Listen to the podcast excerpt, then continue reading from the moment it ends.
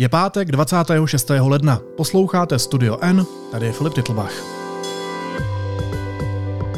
Dnes o tajném setkání krajní pravice v Německu.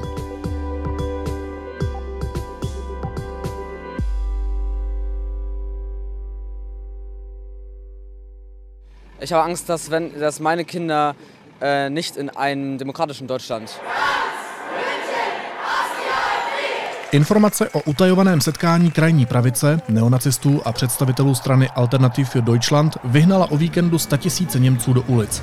Ich denke einfach daran, was passiert ist und dass das nie wieder passieren darf, dass Nazis, dass Rechte und dass ähm, Faschisten in irgendeiner Form... Na setkání u postupy se měl projednávat plán na masivní deportace migrantů a Němců se zahraničním původem. Zároveň má AFD mezi Němci rostoucí podporu a je už, pokud jde o volební preference, druhou nejsilnější stranou.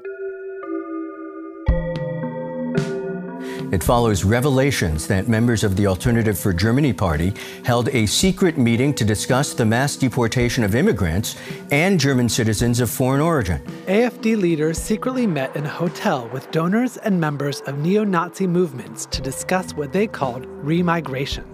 Míří do čela Německa nejúspěšnější krajně pravicová strana od druhé světové války. Hostem podcastu je politolog a sociolog Lukáš Novotný z Univerzity Jana Evangelisty Purkyně v Ústí nad Labem. Pane Novotný, zdravím vás, dobrý den. Dobrý den. Far right Alternative for Germany has been surging in pre election polls, riding a wave of anti immigrant sentiment. Officially, the party calls for faster deportations of declined asylum seekers and illegal immigrants. But this week, investigative media organization Corrective published hidden camera footage showing that AFD might be considering forcing out citizens as well.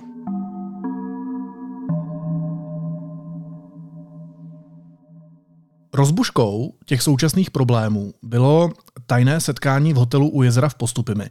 Co přesně se na něm řešilo? Víme to? Tak to, že se ty demonstrace objevily až teď, je dáno nikoli tím, že by to setkání se konalo teď někdy. To setkání se konalo už na konci listopadu a teď právě až to prosáklo do veřejnosti a samozřejmě postupně se dozvídáme teprve informace. No, už jsem slyšel i takový příměr, že by se snad mělo jednat eh, o něco jako jakousi druhou konferenci ve Vánze či něco podobného. A to z toho důvodu, že se tam skutečně eh, řešilo, jak eh, zacházet s určitými skupinami v německé společnosti. To setkání tady skutečně proběhlo v postupimi.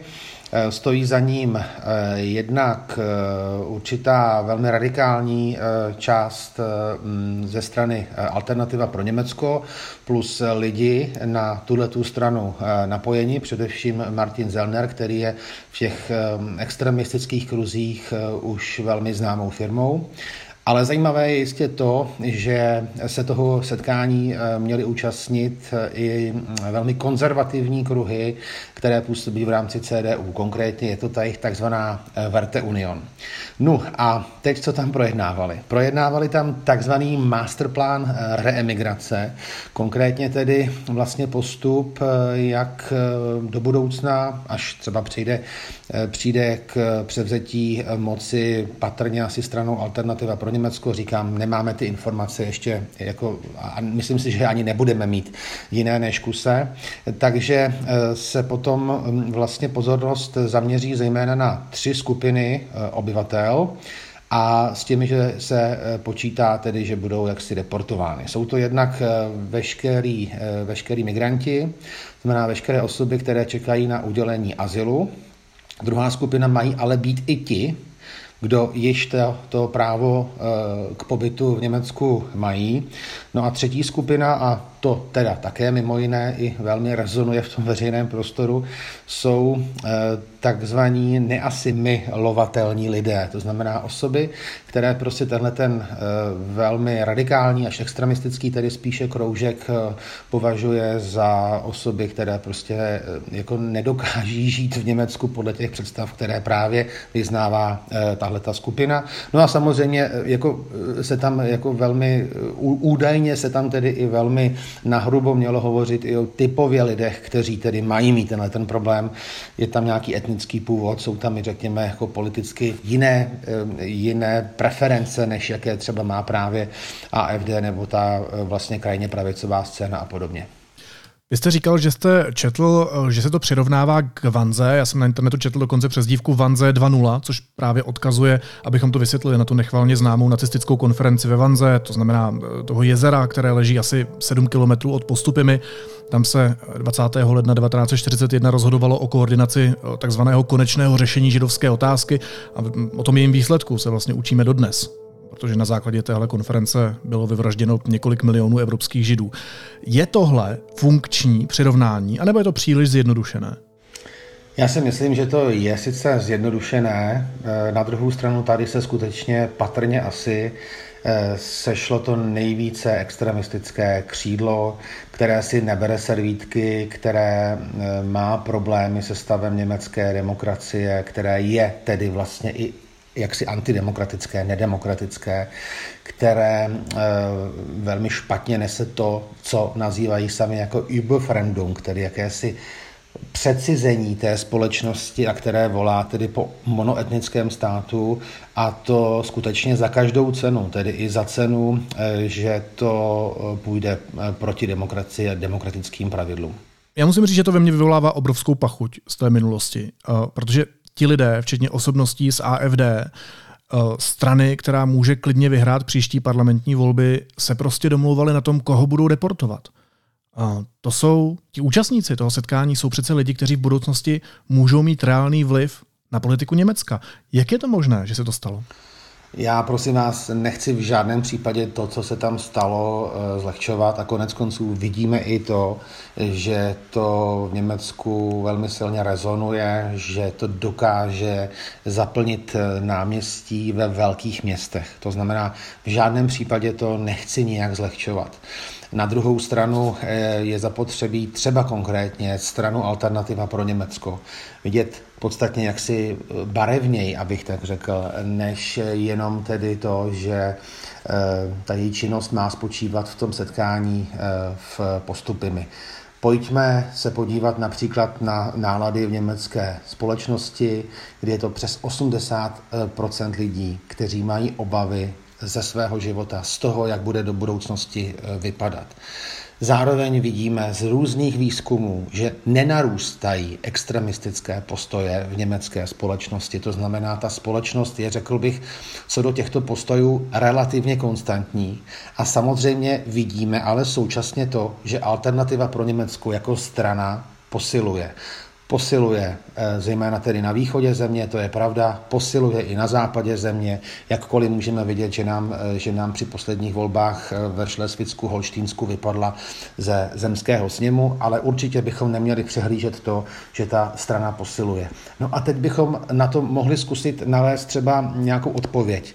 A ta odpověď patrně asi bude spočívat v tom, že AFD prostě obsazuje témata politického středu, a že na témata, jako je migrace nebo jako je třeba ta takzvaná energiewende, která teď eh, díky přítomnosti zelených ve spolkové vládě velmi silně rezonuje v německé společnosti, tak dává pro určitou část té populace srozumitelnější odpovědi, než je tomu u jiných politických stran. No, uh... Ono, mnozí Němci a Němky se k té podpoře eh, alternativy pro Německou chylují i z toho důvodu tedy nespokojenosti se současnou vládou Olafa Šolce. To znamená, že to může být i protestní hlas. A tady by asi bylo na místě se podívat na to, eh, jak je na tom současná německá vláda. A asi ne příliš dobře, když jí Berlín nedávno demonstrující zemědělci zatarasili traktory.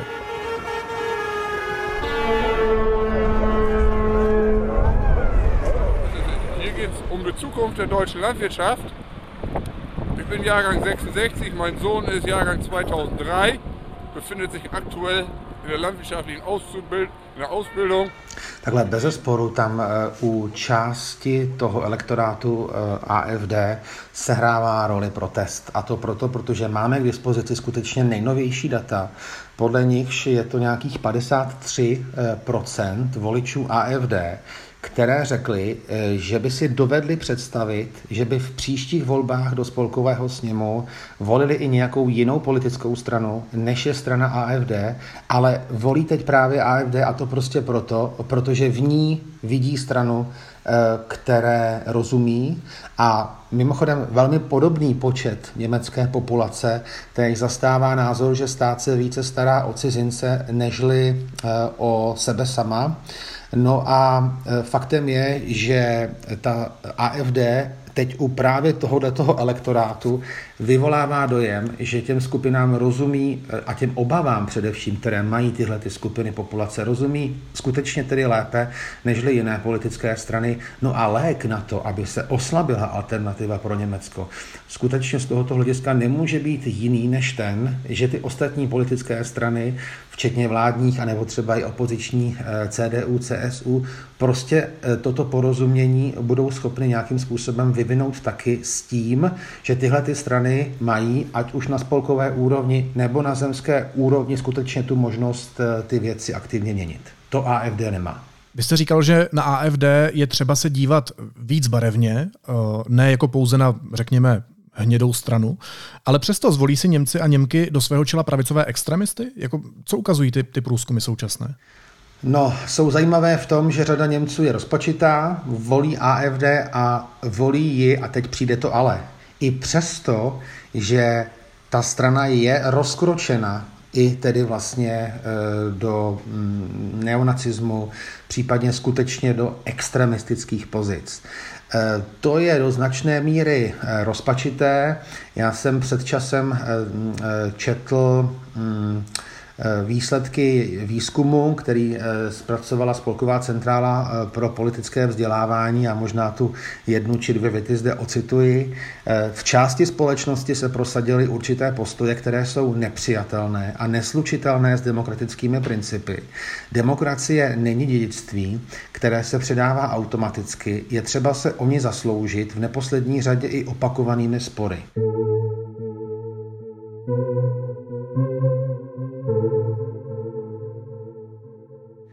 A skutečně bude zapotřebí eh, do těch sporů s AFD jít, bude zapotřebí vyvinout nějakou politickou strategii tak, aby ta strana eh, začala oslavovat a nikoli sílit. Mohu připomenout to, že například už teď na konci roku se konají velmi důležité zemské volby v sousední spolkové zemi Sasko, kde aktuálně alternativa pro Německo vyhrává. Nevím, jestli by jí to úplně stačilo na to, aby sestavila vládu. Jo. Ale každopádně je velmi silná. Eh, krátce předtím budou ty eh, volby i ve spolkové zemi Durinsko, kde je i velmi mediálně zdatná osoba eh, Björn Hecke. A to samozřejmě už velmi znepokojivé je a to proto, protože v těch jeho veřejných různých prohlášeních na mítincích a podobně slýcháme o tom, jak tedy půjdou a opravdu tedy vypráší ty politiky z těch eh, paláců a to už je retorika, která už samozřejmě jako něco připomíná. Já bych asi úplně nezastával ten názor, že třeba při příštích volbách do spolkového sněmu eh, bude strana Alternativa pro Německa obsazovat post spolkového kancléře či tak něco. Ale možná budeme muset počítat s tím, že může mít eh, post některého ze zemských premiérů a s největší pravděpodobností to bude právě jedna z těch eh, spolkových zemí, o kterých jsem hovořil. Vy jste jak sociolog, tak politolog, tak germanista. A kdybych si mohl vybrat teď filtr, přes který budete koukat na tu moji následující otázku, tak bych byl rád, kdybyste se koukal tím politologickým uh, okem. Uh, protože mě by zajímalo, jestli přesně tohle není ta slabost demokracie. Dát v rámci uh, svobody projevu, v rámci svobodných voleb hlas i těm nejextrémnějším proudům s tím rizikem, že tyhle proudy prostě můžou zvítězit a celou demokracii zničit, svrhnout? Tohle je skutečně velmi těžká otázka. A i v německé společnosti, nebo v té, veři, v té německé odborné veřejnosti, abych tak řekl, se aktuálně vedou debaty o tom, jestli nazral čas stranu Alternativa pro Německo zakázat eh, či nikoli. A to zejména proto, protože Spolkový úřad na ochranu ústavnosti již její části skutečně tedy označuje jednoznačně jako pravicově extremistické a míří tím například do Saska nebo právě do Durinska. Na druhou stranu již jen sama o sobě debata o zákazu té politické strany přináší té politické straně eh, body A ten samotný zákaz by například mohl vyústit i v to, že v době toho zákazu nám například bude registrována strana, která se může jmenovat třeba AFD2 či něco podobného. Já osobně si myslím, že od toho zde máme ty radikální až řekl bych extrémní hroty toho stranického spektra, abychom je pojali především jako výzvu. Jako výzvu těch eh, politických stran, toho politického středu, těch demokratických politických stran, aby se eh, zamýšleli nikoli jen nad sebou sama, ale především nad tím, jak by ta společnost eh, mohla vypadat a, zde možná zase se vrátím zpátky k sociologii a to slovíčko používám velmi rád udržitelněji. To znamená skutečně, aby i ta demokracie byla více udržitelná, více funkční a hlavně, aby se dělala taková politická rozhodnutí nimiž prostě budou lidé ve velkém uh, srozumění, budou je chápat. Nebudou se cítit, že jdou uh, prostě nějakým způsobem uh, mimo ně. To si myslím, že je velký problém, který u části té německé populace a je to především na tom velmi složitém východě země poměrně silně rezonují. Říkáte, že je to výzva, ale není to tak, že jsme se prostě jenom nepoučili z historie? Když se podíváme, jak se dostali nacisti k moci? Pomocí demokratických voleb. Jak se v povalečném Československu dostali k moci komunisté? To samé.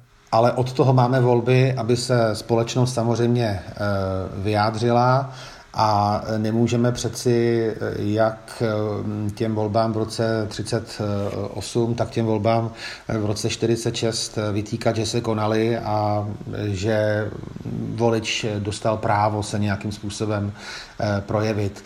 Eh, je to obrovská výzva pro demokracii, to rozhodně neříkám. Navíc se v těchto těch stranách mísí takový opravdu zvláštní eh, mix eh, populismu a mnohdy právě i extremismu. Eh, ty lídři těch politických stran nabízí těm voličům zdánlivé, rychlé a srozumitelné řešení a je skutečně na nás, abychom i třeba naše, naší mladou generaci a další edukovali tak, abychom eh, je vedli ke kritičtějšímu myšlení a podobně. To se mimochodem netýká jenom mladé generace, to se týká, to se týká vlastně toho, co mu říkáme, čemu říkáme celoživotní učení, lifelong learning, kdybychom na tyhle ty věci prostě neměli rezignovat nikdy, protože pokud se podíváme na eh, strany hm, z toho radikálního spektra a nemusíme zůstat pouze v Německu, ale i jinde, tak například vidíme, že tyhle strany jsou extrémně zručné a řekl bych velmi výkonné právě na sociálních sítích při používání různých dezinformací a dalších věcí.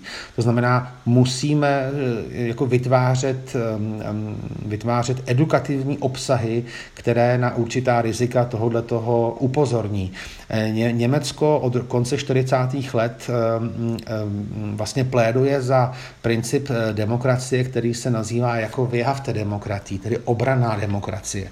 Není to demokracie, která jen tak bezbřeze eh, pouští do hry kohokoliv, ale má právě mít jednoznačné eh, funkční mechanismy eh, pro to, aby tu demokracii bylo možné aktivně bránit.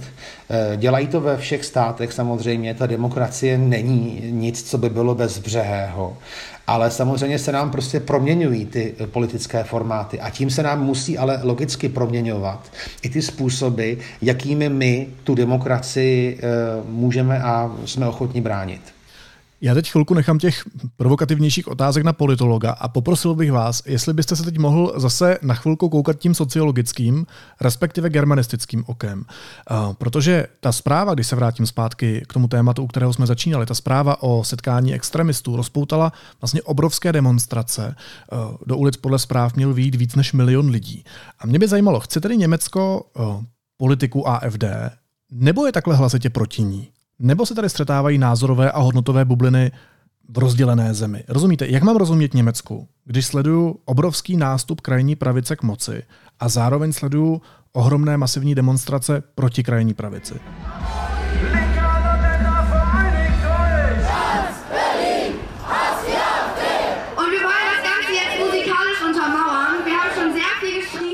No, nástup k moci AFD teď ještě nesledujeme. My sledujeme sílu této strany samozřejmě v různých výzkumech veřejného mínění.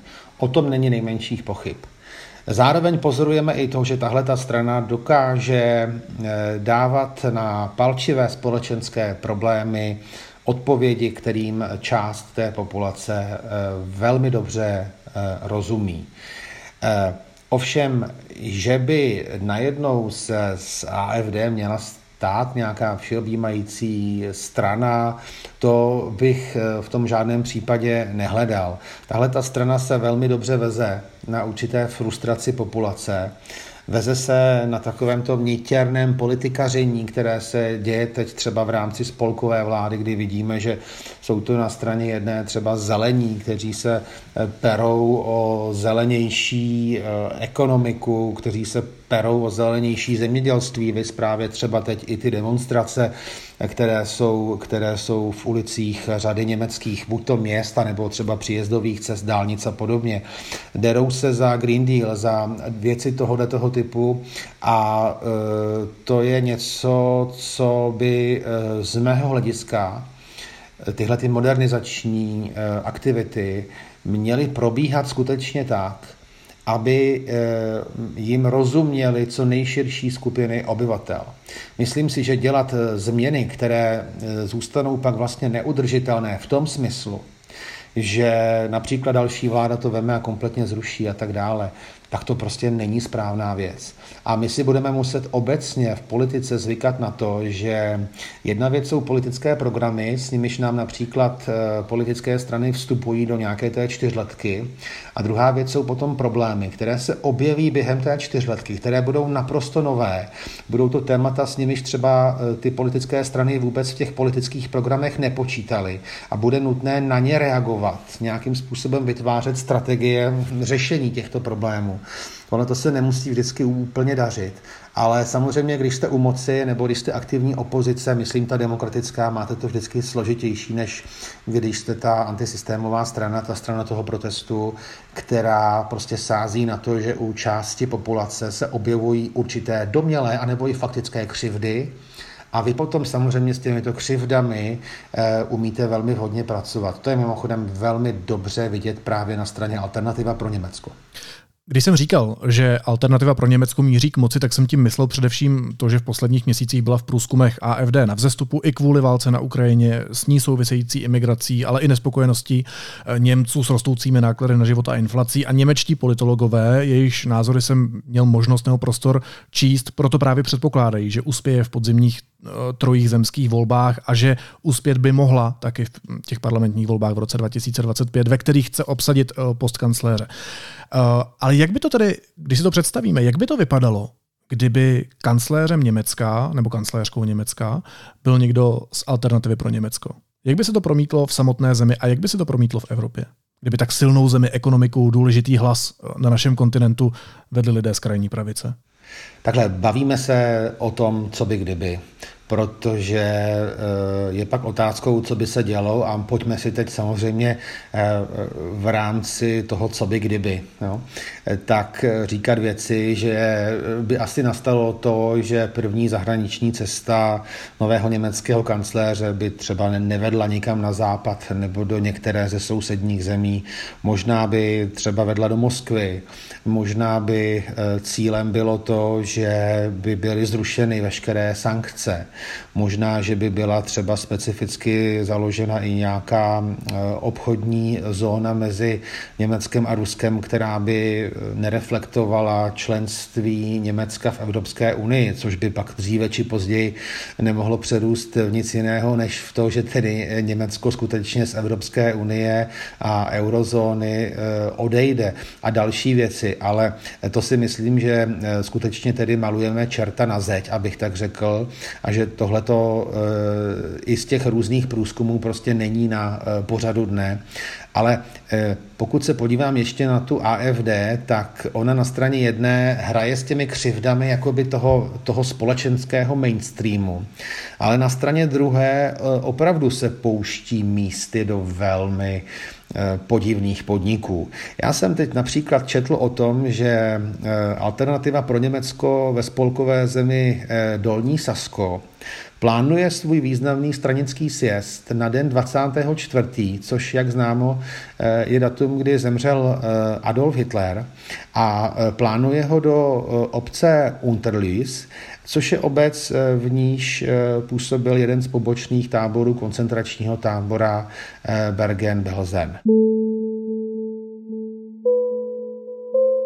A tohle to jsou prostě věci, které skutečně jsou někde za hranou, které díky tomu pochopitelně zaměstnávají německou kontrarozvědku. Musí být velmi dobře sledovány, velmi dobře vyhodnocovány. A mimochodem i z těch eh, protestů, které jsme teď viděli a eh, jsou vlastně i v médiích eh, velmi často, tak prostě vidíme, že jako od nějaké doby už prostě ta německá společnost na to dokáže být velmi citlivá a je ochotná prostě výjít i do ulic. Abschieben. Was heißt denn abschieben? Wir haben selber mal äh, die Flucht ergriffen vor den Nazis. Und ich will diese Suppe, die da gärt, und das ist von den Politer, äh, Politikerinnen und Politikern. Možná ještě poslední otázka. Ta aktuální obliba eh, Alternative für Deutschland samozřejmě mimo jiné nasedá právě na tu nespokojenost lidí, na jejich chudnutí, na jejich nejistotu. Mě by zajímalo, jestli něco podobného můžeme čekat i v České republice, protože tady lidé taky chudnou a tady se lidé taky radikalizují.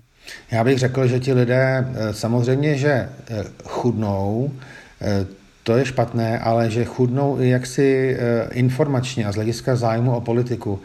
Za ty eh, roky mm, té naší transformace udělali eh, ty takzvaně tradiční politické strany, abych to řekl optikou, která je běžná pro český politický diskurs, abych tak řekl, tak udělali skutečně celou řadu chyb, eh, které se propsaly do stále narůstající míry nedůvěry občanů v politiku, v politický systém a v to, že jsou tady politici, kteří jim chtějí porozumět a kteří jim chtějí pomoci.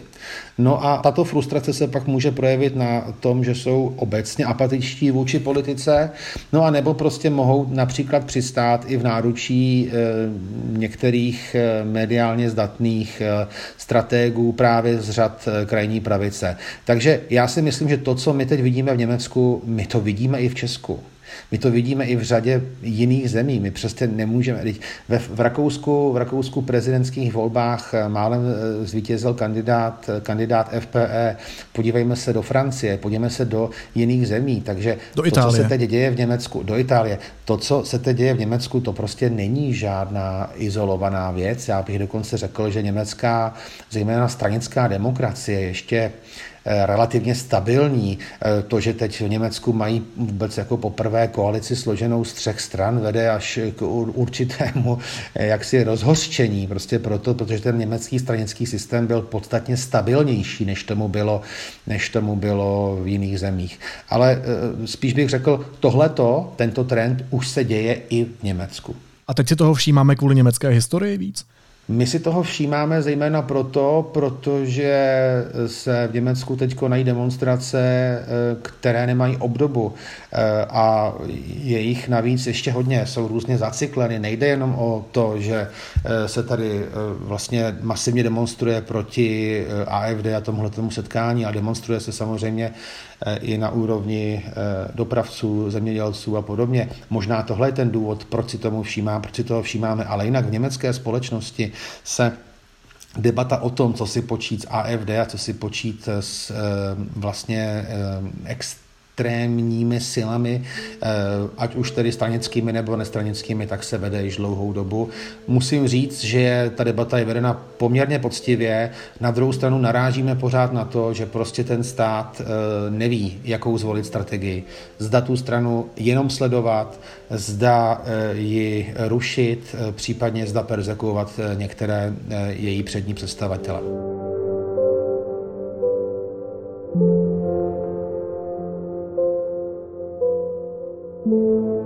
Říká politolog a sociolog a taky germanista Lukáš Novotný z Univerzity Jana Evangelisty Purkyně v Ústí nad Labem. Pane Novotný, moc vám děkuji za rozhovor, mějte se hezky a naslyšenou. Já děkuji, naslyšenou.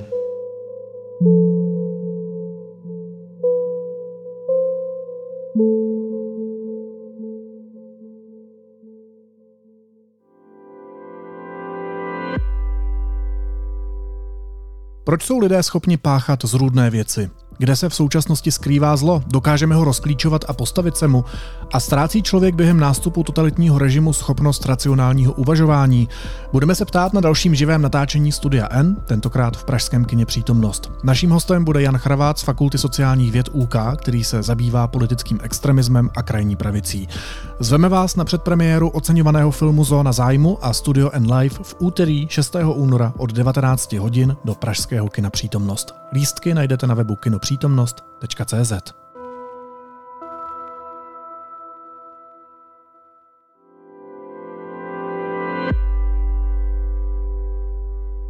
A teď už jsou na řadě zprávy, které by vás dneska neměly minout. Turecký prezident Erdogan dnes podepsal dokument, kterým Turecko schválilo vstup Švédska do Severoatlantické aliance. Byl to poslední krok v procesu ratifikace v Turecku. Francouzští zemědělci ve čtvrtek zablokovali dálnice po celé zemi a vysypávali bedny s dováženým zbožím. Upozorňovali na nízké výkupní ceny, vysoké daně a ekologické regulace. Rada bezpečnosti OSN v noci na dnešek na žádost Moskvy na mimořádném zasedání jednala o pádu ruského vojenského letounu v Bělgorodské oblasti. Tajemnice pro politické záležitosti OSN Rosemary DiCarlo řekla, že organizace není v pozici, aby okolnosti pádu letadla ověřila. Sněmovna v úvodním kole projednávání podpořila koaliční návrh, který má umožnit korespondenční hlasování při volbách pro Čechy žijící v zahraničí. Vládnímu táboru se to zdařilo až šestý jednací den kvůli tomu, že schvalování novely blokovali poslanci ANO a SPD. A podle průzkumu Reuters a Ipsos ztrácí Joe Biden na Donalda Trumpa 6% bodů. V prezidentských volbách by ex-prezidentovi dalo svůj hlas 40% dotázaných, zatímco úřadujícímu prezidentovi 34%.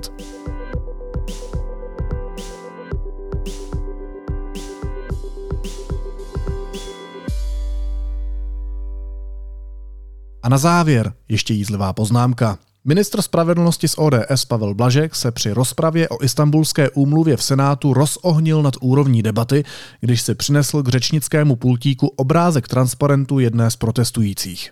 A ten transparent zní blbý, sprostý, nechutný, debilní zasraný Ježíš, jo? Tam včera někdo měl. I tady se vede debata, která se vede debata o hodnotách, řekněme, i, na, i z náboženského pohledu.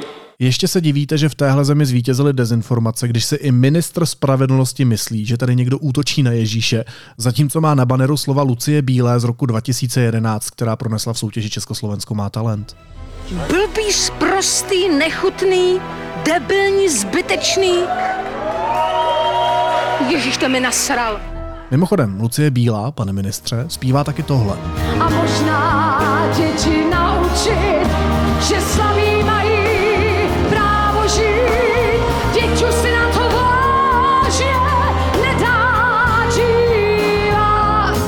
Blbý, sprostý, nechutný, debilní, zasraný Ježíš, jo? Tam včera někdo měl. Blbý, sprostý, nechutný, debilní, zbytečný. Ježíš, to mi nasral. Chápeš to? Úplně chápu.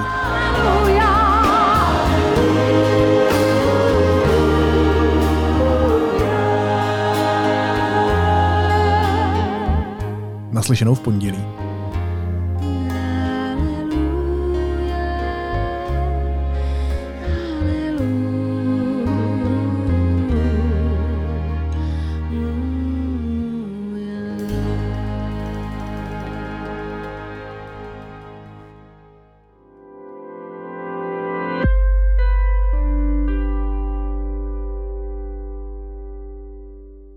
Pokud máte Studio N rádi a věříte v nezávislou žurnalistiku, budeme rádi, když budete epizodu sdílet na sociálních sítích, řeknete o nás vašim blízkým a kamarádům, anebo nás třeba ohodnotíte v podcastových aplikacích.